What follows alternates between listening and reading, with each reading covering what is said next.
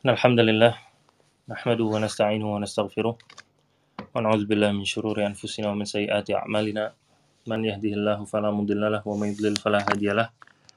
أشهد أن لا إله إلا الله وأشهد أن محمدا عبده ورسوله.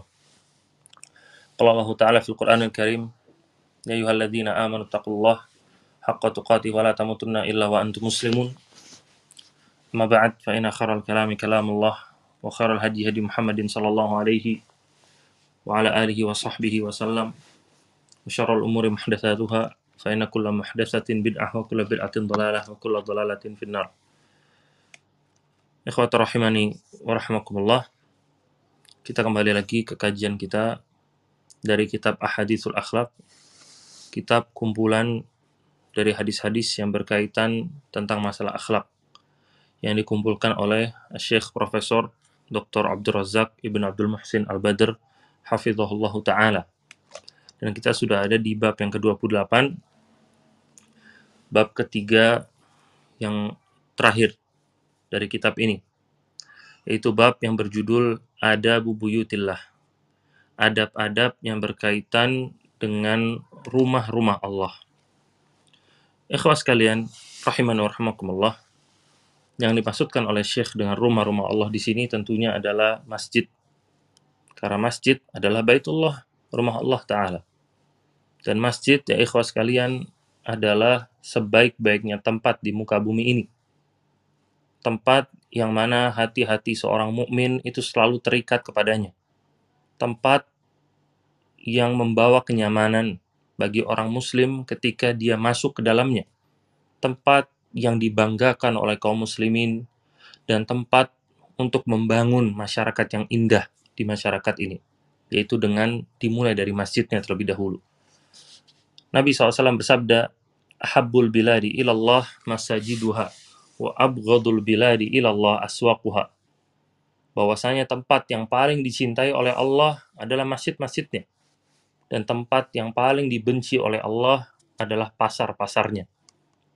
Sebabnya adalah karena di masjid di situ dipenuhi dengan ibadah, dipenuhi dengan sholat, dipenuhi dengan bacaan Al-Quran, dipenuhi dengan halaqah ilmu, dipenuhi dengan nasihat-nasihat yang bermanfaat, dan lain-lain.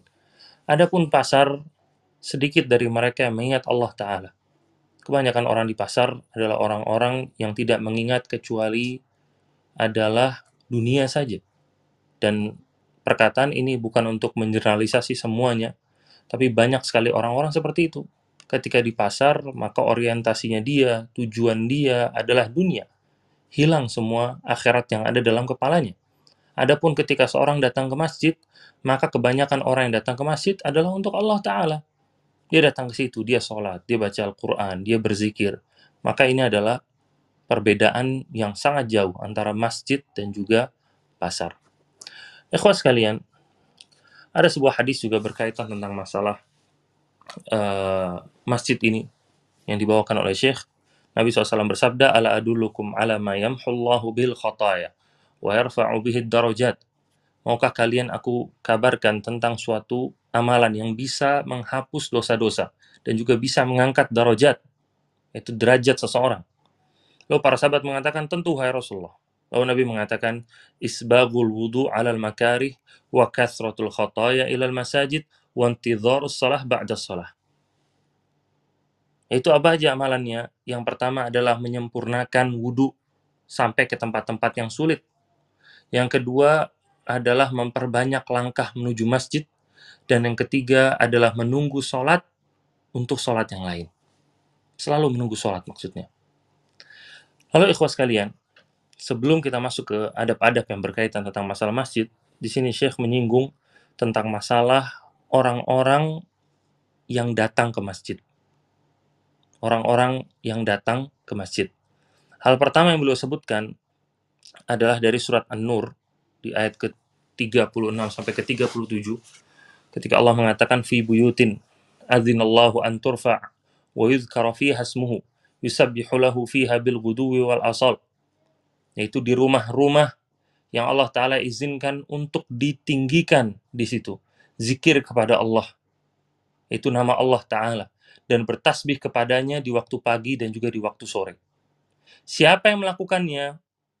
Di ayat berikutnya rijalun la tulhihim tijaratun wala bai'un an dzikrillah wa iqamis shalah.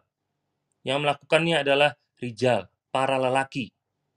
Yang mereka itu tidak dilalaikan dengan perdagangannya, tidak dengan jual belinya, tidak melalaikan untuk berzikir kepada Allah dan juga mendirikan sholat. Ini hal pertama yang beliau sampaikan berkaitan tentang orang yang ke masjid.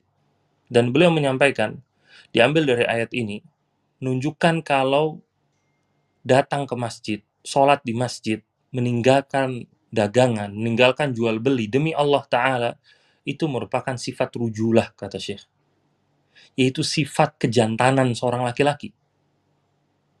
Dan ini kata Syekh merupakan sifat kejantanan yang banyak dilupakan oleh banyak pria. Banyak mereka menyangka namanya jantan itu adalah orang yang kuat badannya, kekar, berotot, bisa mengangkat ini, bisa mengangkat itu, dadanya bidang dan lain-lain itu dikatakan sebagai orang yang orang yang maco, orang yang lelaki. Nah, di antara sifat rujulah kata Syekh, sifat kelaki-lakian itu adalah ketika dia mau atau berani mengorbankan jual belinya demi datang ke masjid dan sholat. Karena Allah mengatakan apa tentang tadi yang berzikir di masjid-masjid Allah di waktu pagi dan juga di waktu sore. Siapa? Rijalun. Kata Allah. Rijalun, para lelaki. La tulhihim tijaratun wala bay'un an wa iqamis sholat. Mereka tidak dilalaikan dengan perdagangannya, tidak jual belinya dari berzikir dan juga mendirikan sholat. Dan ini poin yang benar-benar Syekh uh, Hafizullah Ta'ala tekankan. Dikarenakan banyaknya orang lalai dalam sholatnya. Bukan cuma lalai untuk datang ke masjid, bahkan terkadang tidak sholat sama sekali, dikarenakan disibukkan dengan perdagangan dia. Disibukkan karena bisnisnya dia, disibukkan dengan rapatnya dia, kalau memang kebutuhan, maka sholatnya harus diakhirkan sedikit. Sekali dua kali, itu bisa dipahami. Tapi setiap waktu sholat selalu diakhirkan, selalu diakhirkan. Bukan sholat di masjid, bukan sholat berjamaah, bukan sholat tepat pada waktunya. Maka ini masalah ada pada dirinya. Bukan masalah di waktu sholatnya. Masalah ketika dia tidak memprioritaskan sholat dalam kehidupannya. Itu sumber masalahnya dia. Padahal sholat itu salah satu yang harus selalu diprioritaskan. Karena namanya hak Allah harus selalu didahulukan dari haknya manusia. Seperti dikatakan tadi, sekali dua kali masih bisa dipahami. Tapi ketika terus-menerus, terus-menerus diakhirkan, diakhirkan, maka akan datang suatu saat ketika waktu sholat sudah habis, dia itu belum sholat. Atau bahkan, waliyahzubillah, akan datang suatu waktu, nanti dia nggak sholat sama sekali. Kenapa? Dia selalu menomor sekiankan masalah sholat. Padahal Nabi SAW mengatakan, Inna awwala ma yuhasabu bihil abdu yawmal qiyamah min amalihi sholatu. Bahwasanya amalan yang paling pertama yang akan dihisap dari seorang hamba nanti hari kiamat adalah sholatnya dia. Fa in soluhat faqad aflaha wa anjah. Kalau bagus sholatnya, maka dia telah berhasil. Wa in fasadat faqad khaba wa khasir. Kalau ternyata jelek, maka dia telah telah merugi. Dan sholat yang kita bicarakan di sini, ya ikhwah, adalah sholat yang wajib. Sholat lima waktu. Bukan sholat-sholat sunnah. Bagaimana orang mau kita harapkan dia untuk sholat sunnah, mau sholat taraweh, sedangkan sholat wajib yang dilalaikan. Karena namanya sholat wajib itu jauh, jauh, jauh lebih afdol daripada sholat sunnah. Jangan sampai orang itu fokus atau perhatian dengan sholat sunnah, perhatian dengan sholat taraweh, tapi sholat wajibnya dilalaikan sama dia. Nah ini jadi masalah. Nah kemudian masalah yang kedua kata Syekh tadi, tidak datang ke masjid. Padahal yang harusnya mendatangi masjid, sholat berjamaah di masjid adalah para laki-laki. Dan ketika dia rela mengorbankan dagangan dia untuk sholat di masjid, maka di situlah sifat kejantanan laki-laki, kata Syekh. Lalu hal yang berikutnya, ikhwas sekalian, berkaitan tentang masalah masjid yang Syekh sebutkan adalah masalah orang-orang yang memakmurkan masjid. Syekh membawakan ayat di surat At-Taubah, di ayat ke-18, Allah berfirman, innama ya'muru masajidallahi man amana billahi wal yawmil akhir wa aqama salata wa ata zakata wa lam yakhsha illallah fa'asa ulaika an yakunu minal muhtadin. Sesungguhnya yang memakmurkan masjid-masjid Allah adalah orang-orang yang beriman kepada Allah, beriman kepada hari akhir, mendirikan sholat, menunaikan zakat, dan tiada, dia tidak takut kepada siapa pun kecuali kepada Allah. Fa'asa ula'ika yakunu minal muhtadin. Mudah-mudahan mereka itu menjadi orang-orang yang mendapatkan hidayah.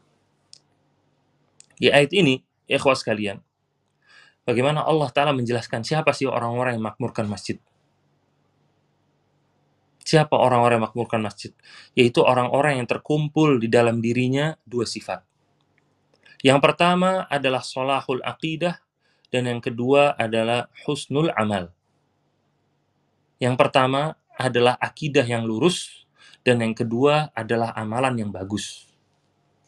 Karena Syekh mengatakan, yang memakmurkan masjid Allah, orang beriman kepada Allah dan hari akhir, lalu mendirikan sholat, menunaikan zakat, dan tidak takut kecuali kepada Allah. Beriman kepada Allah, beriman kepada hari akhir, ini mewakili lurusnya akidah seorang yang mau memakmurkan masjid. Kemudian yang kedua, mendirikan sholat, menunaikan zakat, itu mewakili bagusnya amalan dia. Kepantasan dia untuk menjadi dewan kemakmuran masjid. Walam yaksha ilallah. Dan dia ini nggak takut kecuali kepada Allah. Dan di poin ini, ikhwas kalian, ini penting untuk diperhatikan. Bahwasanya masjid itu rumah Allah. Masjid itu milik Allah. Wa annal masajida lillahi fala tad'u ma'allahi ahada. Sesungguhnya masjid-masjid itu milik Allah. Fala tad'u ma'allahi ahada. Maka jangan kamu berdoa mensekutukan Allah dalam berdoa kepadanya. Nah, apa arti masjid itu milik Allah? Maka tidak boleh dimiliki oleh siapa pun. Kepemilikan dalam artian dijadikan sebagai ladang bisnis, ladang untuk mempopulerkan diri sendiri, ladang untuk meninggikan martabat sendiri. Nggak seperti itu. Masjid ini milik Allah. Dewan Kemakmuran Masjid, orang panitia di masjid, marbot masjid, DKM-nya, dan berbagai macam kepengurusannya. Itu alat. Mereka alat, bukan pemilik sesungguhnya dari masjid. Mereka alat yang mereka punya kewajiban untuk memakmurkan masjid tersebut. Dan orang-orang yang mengurus masjid ini, kata Allah, siapa? Orang yang akidahnya lurus dan amalannya bagus. Terkadang banyak orang yang mengurus masjid, akidahnya berantakan, amalnya berantakan. Maka ketika mereka yang diamanahkan, atau mereka merasa memiliki masjid, mereka yang ngurus masjid itu, maka berantakan ya kok.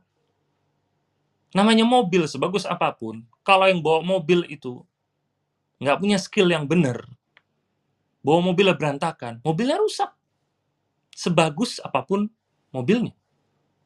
Sebaliknya, mobil sejelek apa pun, kalau yang bawa mobilnya adalah seorang supir yang lihai, jago bawa mobil, bakal bagus bawa mobilnya. Mobilnya bakal enak. Nah, sama seperti masjid. Masjid sebagus apa pun, kalau yang mengurusnya itu akidahnya nggak benar, amalannya nggak bagus, jadilah masjid itu digunakan untuk kebutuhan dunia. Semua yang bisa mendukung hal-hal dunia, dia akan laksanakan di situ. Atau dia mengadakan kajian, kajian ustadz-ustadz atau dai-dai yang nggak jelas, mengajarkan pemahaman-pemahaman yang nggak jelas akhirnya di situ, karena dia akidahnya nggak benar. Dia akidahnya nggak benar, akhirnya dia mengadakan acara itu, yang datang pun tersesat, melenceng pemikirannya, karena dia. Makanya tanggung jawabnya besar. Lalu terkadang menjadi DKM bukan orang-orang yang bagus amalnya. Dia mendapatkan julukan DKM, Dewan Kemakmuran Masjid, menjadi ketua DKM, jadi sekretaris DKM, menjadi bendahara, menjadi ini, menjadi... Tapi nggak pernah sholat ke masjid. nggak pernah ngurus masjidnya. La sholat, wala baca Quran di masjid. Mereka nggak pantas. Dan ini banyak terjadi. Padahal Allah Ta'ala memberikan syarat tadi. Solahul aqidah wa husnul amal. Mereka itu orang-orang yang makmurkan masjid. Akidahnya lurus, amalannya bagus. Mereka menjadi teladan. Mereka orang-orang terbaik. Sebagaimana perusahaan, kita inginkan yang memegang sebuah perusahaan, itu orang yang jago bisnisnya. Yang punya ide-ide cemerlang. Dia yang memegang dengan harapan perusahaan ini akan sukses. Dengan inovasi-inovasi dia.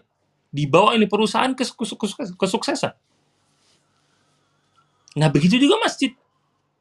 Jangan yang ditempatkan orang-orang yang nggak ada kerjaan. Atau yang ditempatkan orang-orang yang nggak pernah sama sekali sholat di masjid. Atau yang ditempatkan untuk ngurus masjid, orang-orang akidahnya melenceng. Nggak benar seperti ini. Taruh orang-orang terbaik di masjid itu untuk mengurus masjid, untuk memakmurkan masjid, biar dia bawa masjid itu bermanfaat buat kaum muslimin. Karena Nabi SAW datang ke kota Madinah, di antara yang pertama kali beliau lakukan, bikin masjid. Karena peran masjid dalam membangun masyarakat itu sangat besar. Ini kenapa Syekh Hafizahullah Ta'ala benar-benar perhatian tentang masalah ini. Lalu ikhwas kalian, rahimani wa rahmakumullah, Syekh juga menjelaskan tentang adab-adab berkaitan tentang masalah masjid. Adab yang pertama dan kata Syekh asasuha wa a'zamuha bal asasu kulli amrin. Ini adalah kaedah yang paling besar, paling mendasar dan kaedah semua hal. An yusliha niyatahu. Niatnya itu harus lurus buat orang yang mau ke masjid. Wa an yukhlisa maqsadahu dia tuh harus ikhlas wa an yanwiya bi amalihi wajah Allah. Tidak meniatkan dalam amalnya kecuali wajah Allah. Dalam artian seorang yang mau berangkat ke masjid hatinya harus diluruskan. Niatnya harus lurus. Buat apa ke masjid? Buat ngumpul dengan teman-temannya, buat janjian sama rekan bisnisnya, atau untuk ikut tren, atau atau atau sebab-sebab yang lain atau sekalian numpang lewat. Itu niat-niat yang berbeda-beda. Karena macet, jadi ya mumpung macet, mampir dulu sini deh. Tunggu macetnya lewat. Atau saya lagi capek, jadi mampir dulu ke masjid. Nggak ada masalah. Nggak ada masalah. Itu nggak ada masalah. Tapi pasang niat yang terbaik. Jadikan ketika kita keluar dari rumah, itu memang mau ke masjid. Jangan jadi tujuan yang sekunder hati tetap terikat dengan masjid. Ke mana pun saya ke masjid, ini pun ke masjid. Bukan hanya ketika lagi ada waktu luang, ada waktu kosong. Nabi SAW mengatakan, Man atal masjid li syai'in fawahadzuhu. Barang siapa yang datang ke masjid karena sesuatu, maka sesuatu itulah yang cuma dia dapatkan. Nggak ada yang lain lagi. Lalu yang kedua, ikhwas kalian, yang disebutkan oleh Syekh, buat orang yang mau berangkat ke masjid, alaman arada al-khuruja ila masjid an ya'niya binadhafati badanihi. Yaitu hendaknya orang yang mau berangkat ke masjid dia itu memperhatikan tentang kebersihan badannya. Badannya bersih badannya wangi bukan kucel.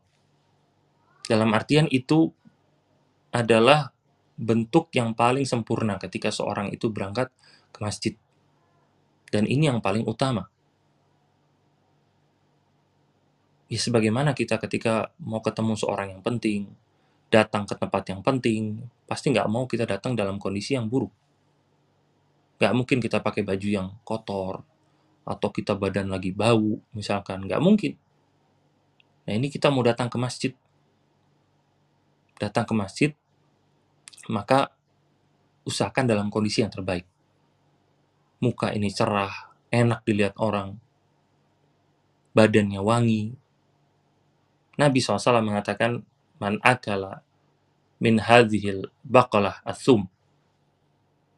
Atau man akala al-basala wathuma wal kurroth. Barang siapa yang makan bawang-bawangan atau semacamnya. Fala yaqrabanna masjidana, kata Nabi. Jangan sekali-kali dia mendekati masjid kami.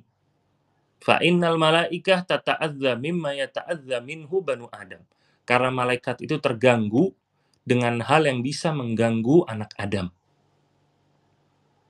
Kita kalau ketemu orang badannya bau, kita nggak mau deket-deket sama dia. Dan ternyata malaikat pun begitu.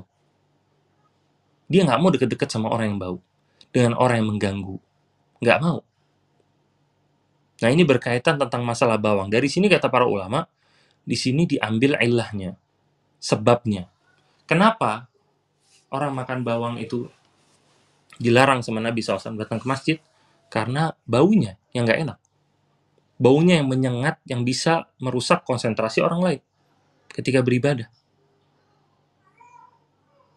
Nah, makanya larangan di sini kata para ulama bukan cuma khusus tentang masalah bawang, tapi juga mencakup semua hal yang bisa mendatangkan gangguan buat orang lain. Entah mungkin makan pete misalkan, makan jengkol misalkan, atau adalah merokok. Masuk ke masjid habis ngerokok, jalan ke masjid ngerokok dulu. Masuk pintu masjid dimatiin rokoknya dia masuk dia sholat. Baunya ke mana-mana. Gangguin orang Nabi SAW bilang buat orang yang bau kemudian datang ke masjid falayak robanna masjidana kata Nabi. Jangan sekali-sekali dekat ke masjid kami. Makanya Nabi SAW itu yuhib atau toyib Nabi itu suka untuk pakai parfum. Nah kenapa kita nggak begitu? Kita diperintahkan untuk mengikuti manhaj Nabi SAW. Maka ikuti manhaj beliau dalam masalah ibadah, masalah akidah, dan juga masalah adab. Ikuti manhaj semuanya. Dan di antara adab Nabi SAW, beliau itu suka untuk pakai minyak wangi. Dan para sahabat tahu, kalau dibilang siapa yang paling wangi, Nabi SAW. Kenapa kita nggak teladani ini? Dan kenapa kita nggak wangi ketika mau datang ke masjid? Nah ini bagi para laki-laki buat orang-orang di sekitar kita itu nyaman. Buat diri kita itu nyaman.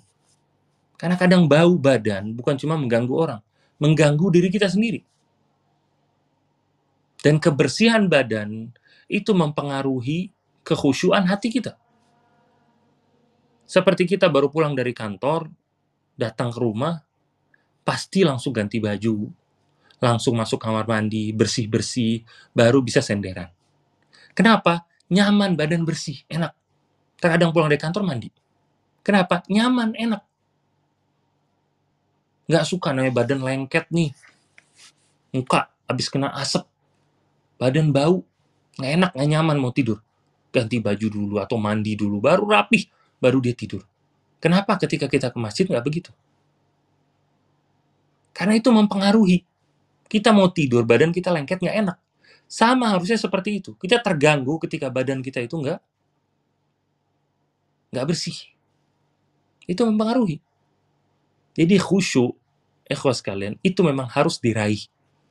Dan di antara cara meraihnya, bersihkan tubuh. Bersihkan badan. Dengan sebaik mungkin baru datang ke masjid. Dan poin di sini ikhwah, bukan berarti kemudian orang yang belum mandi, orang badannya kotor, kemudian beralasan dia nggak sholat ke masjid. Terkadang ada yang kerjanya kotor misalkan, habis keringetan misalkan. Sekali-kalinya itu aja. Nggak ada masalah di sholat. Kalau misalkan dia paham bahwasanya baunya dia tuh nggak bakal ganggu orang lain. Bajunya kotor misalkan, kena tanah, kena kotoran misalkan nggak ganggu orang lain kan itu nggak ada masalah masih masuk masjid sholat terkadang itu menjadi alasan seorang enggak ah badan saya kotor padahal kotor yang dimaksud cuma kotor bekas debu misalkan atau bekas asap yang itu bisa dihilangkan dengan dengan parfum kemudian poin berikutnya yang saya sebutkan an yahris ala an yatatahhar fi baitihi hendaknya seorang itu untuk berusaha bersuci dulu di rumahnya kalau tadi kita berbicara tentang masalah kebersihan, yang sekarang kita berbicara tentang masalah kesucian. Karena mensucikan diri itu dengan mandi atau dengan berwudu. Itu mandi wajib maksudnya. atau dengan berwudu. Nah, hendaknya orang kalau datang ke masjid, ya di sini maksudnya dia berwudu dulu dalam keadaan suci. Dia berwudu di rumah baru dia berangkat ke masjid. Jadi memang fi ahsanil hal, dalam kondisi yang terbaik. Nabi SAW bersabda, Man tatahhara fi thumma masya ila baitin min buyutillah, liyaqdiya faridatan min faraidillah. Barang siapa yang bersuci di rumahnya, itu berwudu maksudnya, atau mandi wajib. Thumma masya ila baitin min buyutillah. Kemudian dia jalan ke salah, salah satu rumah dari rumah-rumah Allah Ta'ala dengan tujuan untuk menunaikan salah satu dari kewajibannya Allah yang Allah wajibkan kanat khutuwatuhu ihdahuma tahuttu khati'atan wal ukhra tarfa'u darajah maka langkahnya dia satu langkahnya itu akan menggugurkan dosa dan langkah yang lain akan mengangkat derajat kata Nabi SAW buat siapa ini buat orang yang sudah bersuci di rumahnya lalu berangkat ke masjid liyak dia faridotan min faraidillah tujuannya ke masjid untuk menunaikan suatu kewajiban yang Allah telah bebankan. Jadi tergabung dua hal. Kesucian dari rumahnya dan yang kedua niat yang lurus. Dia datang ke masjid bukan dengan tujuan yang lain. Tapi untuk menunaikan kewajiban dari Allah Ta'ala. Tergabung ini, maka langkah dia ke masjid, langkah yang pertama dari salah satu kakinya itu akan menggugurkan dosanya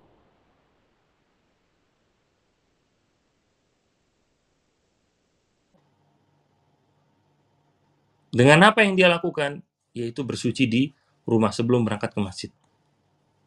Kemudian ada berikutnya yang disebutkan oleh Syekh an yahrisa al muslim ala sama'il muazzin wa an yaqula mith lama yaqul Hendaknya seorang muslim ketika mendengar azan, dia mengucapkan persis seperti yang dikatakan oleh muadzin.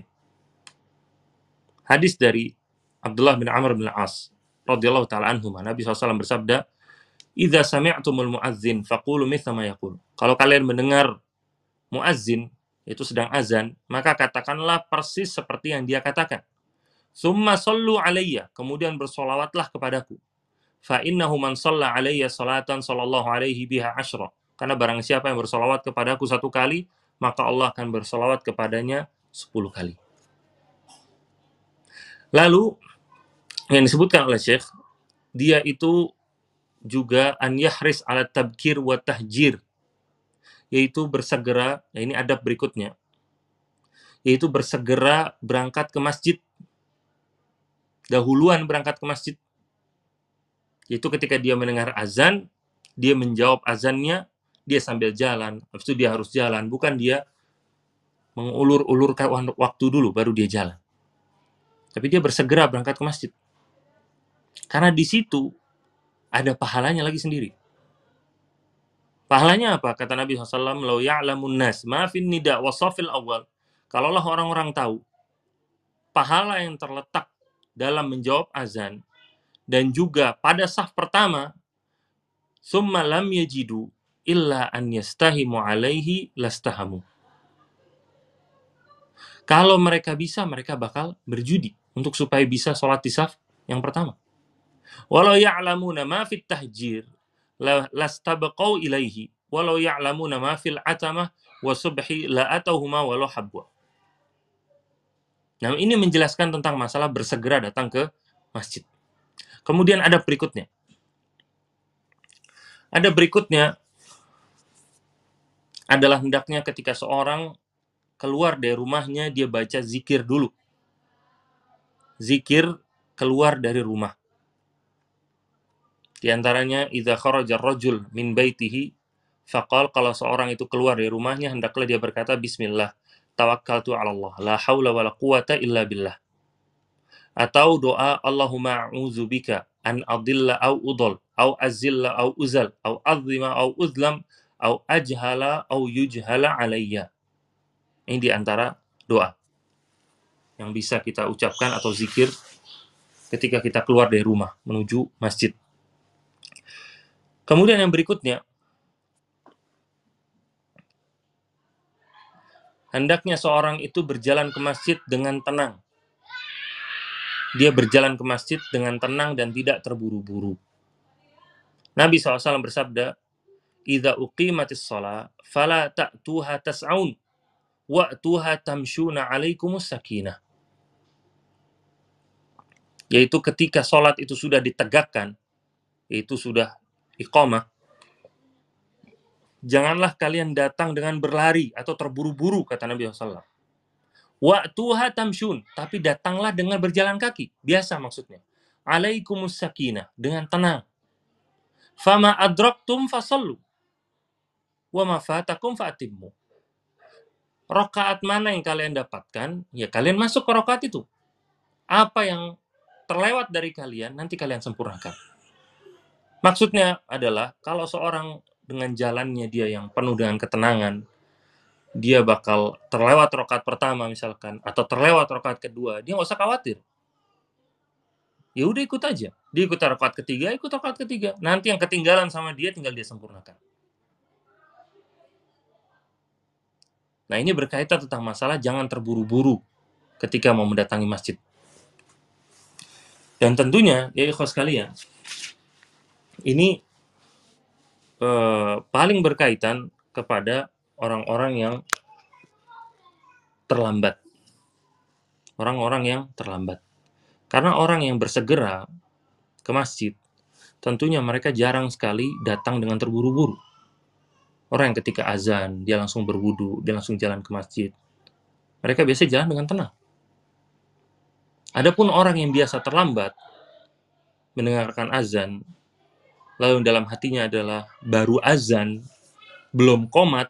Nah, ketika komat, baru dia lompat dari kursinya, baru dia wudhu. Nah, saat itulah terburu-buru dia ke masjid. Nah, apa akibat buruk dari terburu-buru? Akibatnya adalah tidaknya atau hilangnya kekhusyuan dalam sholat. Ketika dia masuk ke soft, masuk ke rokaat, dia sholat dalam keadaan ngos-ngosan. Karena dia jalan buru-buru tadi. Dia keadaan ngos-ngosan, dia nggak bisa khusyuk. Kita kembali lagi bahwasannya Islam, Nabi SAW selalu mengutamakan masalah khusyuk dan memperhatikan masalah khusyuk dalam sholat.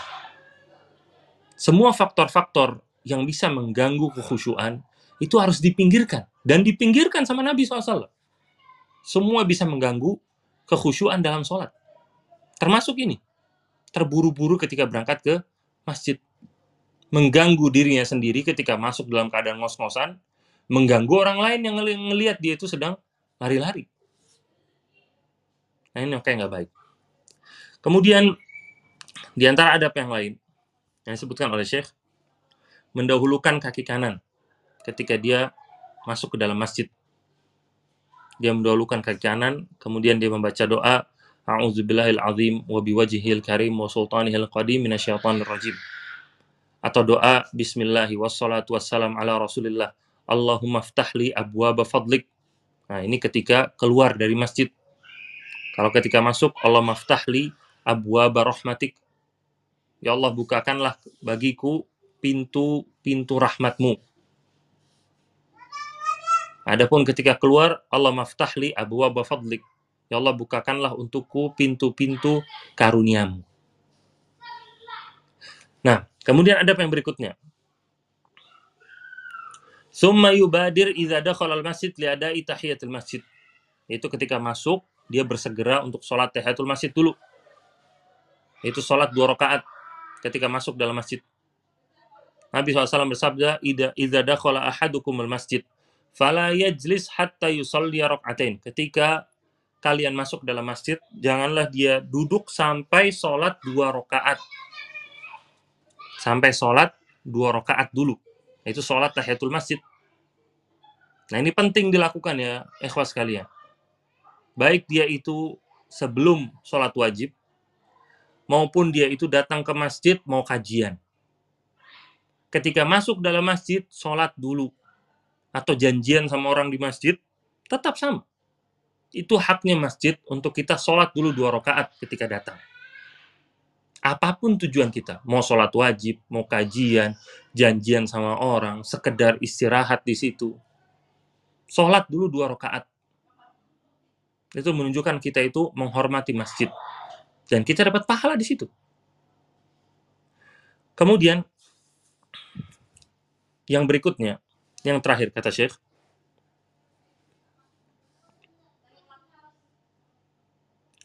yang terakhir kata Syekh, hendaknya seorang itu berusaha untuk sholat ala haji Nabi SAW. Sesuai dengan petunjuk Nabi Shallallahu Alaihi Wasallam. Ini hal yang penting yang beliau tegaskan di sini. Kenapa? Karena itu berpengaruh dengan sholat seseorang. Jadi dari tadi kita itu berbicara tentang perjalanan sampai ke masjid. Dari rumah ber, uh, membersihkan badan, dia bersuci, kemudian berjalan dengan tenang, dia pakai minyak wangi. Nah, datang ke masjid, nah itulah intinya. Tadi itu masih permulaan mukaddimah, masih perjalanan. Nah, intinya adalah ketika dia itu berada di masjid. Ngapain dia di masjid? Tentunya dia sholat. Baik itu sholat dua rakaat ataupun sholat wajib. Nah, tujuan yang utama ini harus dilaksanakan dengan sesempurna mungkin. Nah, di sini Syekh menunjukkan uh, jalan yang paling sempurna yang bisa kita dapatkan ketika sekedar kita ke masjid dari mulai awal sampai ke tujuan utama kita sampai kita pulang. Dan untuk menyempurnakan jalan ini tentunya tujuan utama yaitu sholat harus ditegakkan dengan sempurna. Jadi di sinilah butuhnya untuk belajar tata cara dari sholat. Dan banyak sekali sayangnya kaum muslimin yang sholat mereka itu berantakan. Nggak ada kaidahnya. Dia sholat semau dia. Itulah yang diajarkan kepada dia ketika kecil. Seperti itulah sholat dia sampai sekarang. Padahal, kalau kita lihat buku-buku fikih, lihat buku-buku hadis, bab yang paling panjang, hadis-hadis dalam satu masalah yang paling banyak adalah berkaitan masalah sholat. Paling banyak. Dan realita banyaknya kaum muslimin yang melewatkan masalah ini, itu sebabnya adalah karena mereka nggak belajar agama sama sekali. Padahal kewajiban sholat, kewajiban yang mereka temukan lima kali dalam sehari berarti mereka emang nggak belajar sama sekali. Karena ini hal yang paling mendasar.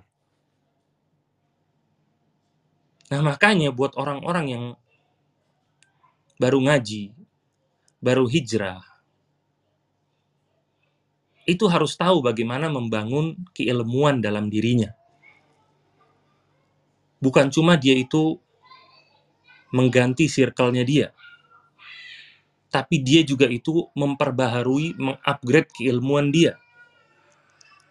Memperbaharui kualitas akidahnya. Memperbaharui kualitas ibadahnya. Memperbaharui kualitas akhlaknya dan adabnya. Semuanya harus dikoreksi buat orang-orang yang baru hijrah. Jangan jadikan hijrah ini atau kajian sekadar jadi tren. Lagi model sekarang lagi rame datang kajian datang kajian sini, datang kajian sana, foto sini, foto sana. Lagi dengerin kajian ini, foto, posting. Kajian bukan buat, bukan karena ngikutin tren. Tapi lillahi ta'ala. Dan dilihat hasilnya, apakah ada perubahan atau enggak. Kalau udah datang kajian, dia ngaku hijrah, datang kajian, sekali, dua kali, sebulan, dua bulan, tiga bulan, lihat hasilnya. Ada perubahan apa enggak? Kalau enggak ada perubahan, ya itu bukan hijrah namanya. Oh, namanya hijrah itu ada perubahan. Hijrah itu artinya intiqal, berpindah tempat. Namanya kalau pindah tempat itu ada perubahan. Nah, namanya belajar kita ya ikhwah, itu pun harus dievaluasi. Yang harus dievaluasi bukan cuma bisnis kita, bukan cuma belajar di sekolah. Begitu juga belajar di kajian, kita evaluasi diri kita. ilmu yang selama ini kita dapatkan di kajian itu merubah kita apa enggak? Menjadikan diri kita lebih baik apa enggak? Lihat kondisi kita sebelum ngaji, atau lihat kondisi kita beberapa tahun yang lalu, bandingkan dengan sekarang. Ada perubahan atau tidak? Keilmuan saya ada perubahan atau tidak? Sholat saya ada perubahan atau tidak? Dilihat di situ. Kalau ternyata nggak ada perubahan, ya berarti belajarnya gatot, gagal total namanya. Ilmu sekedar masuk kuping kanan, keluar kuping kiri. Ilmu sekedar ditulis di buku, tidak diamalkan. Nah jadi, buat orang-orang yang mengaku hijrah, hijrahlah secara keseluruhan. Udhulu fisil mikafah masuklah ke agama Islam ini secara sempurna. Hijrah, hijrah semuanya. Jangan setengah-setengah. Dan hijrahnya lillahi ta'ala, benar-benar untuk Allah. Bukan untuk yang lain. Lakukan perubahan dalam diri sendiri, dalam sholatnya, akidahnya, adabnya, akhlaknya. Nah, Allah ta'ala alam, sampai di sini kajian kita. Semoga semuanya bermanfaat. Uh, mungkin kalau ada satu pertanyaan, Bang Zul, karena sudah malam, saya persilahkan. Baik, Ustaz. Kita pelayaran atas ilmu yang telah disampaikan dan kita buka satu pertanyaan ya, teman-teman ya, karena waktu sudah menunjukkan pukul 10. Coba kita angkat dari Bentar ya, Jihan. Coba Jihan. Oke Jihan, tafadhol untuk bertanya pada Ustaz satu pertanyaan tanpa melembutkan suaranya ya. Barakallahu fiik. Assalamualaikum warahmatullahi wabarakatuh Ustaz. Terima kasih banyak. Terima kasih banyak Ustaz atas ilmu yang disampaikan. E, menarik juga pembahasan yang Ustaz tadi sampaikan tentang masalah sholat. Semoga bisa mengadakan acara daurah kembali ya Ustaz tentang fikih sholat. Karena ilmu ini sangat bermanfaat. Insya Allah. Lalu pertanyaannya, lalu pertanyaannya uh, ketika memasuki masjid, biasanya kita masuk ke area wudhu dulu. Apakah itu sudah ter, apa? Apakah itu harus membaca uh, doa masuk masjid ketika masuk ke area wudhu atau membacanya ketika ke area sholat saja Ustadz? Itu saja Ustadz uh, yang yang saya mau tanyakan. Syukron jazakallahu khairan Ustadz. Barakallahu kita masuk uh, atau kita membaca doa masuk masjid adalah ketika kita masuk masjid. Karena masjid itu artinya tempat untuk sujud, itu tempat untuk sholat di sini. Ketika kita masuk ke tempat untuk sholat, maka kita baca Allah maftahli abwa barahmatik. Adapun kita ke, ke kamar mandi, maka itu ada bacaannya sendiri. Dan nggak mungkin kita baca doa masuk masjid ketika kita masuk dalam kamar mandi karena dari doanya sendiri, Allah maftahli abwa barahmatik. Ya Allah, bukakanlah bagiku pintu-pintu rahmat. Dan maksudnya kata para ulama, pintu-pintu rahmat yang Allah Ta'ala bagikan bagi orang-orang yang ada di masjid. Dasarnya dari hadis Nabi SAW, Majtama'a qawmun fi baitin min buyutillah, tidaklah sebuah kaum berkumpul di salah satu rumah dari rumah-rumah Allah, yatsluna kitab Allah wa yatadarasunahu bainahum, mereka saling baca Al-Quran dan saling mempelajari satu sama lain, illa nazalat alaihimus sakinah wa umur rahmah. Kecuali mereka akan diturunkan ketenangan dan juga akan dinaungi dengan rahmat. Dan tentunya ini buat orang-orang yang masuk ke dalam masjid yaitu dengan tujuan dia untuk sholat dengan tujuan untuk uh, majelis ilmu dan lain-lain yang berkaitan di masjid tentunya bukan ketika masuk untuk berwudu wallahu a'lam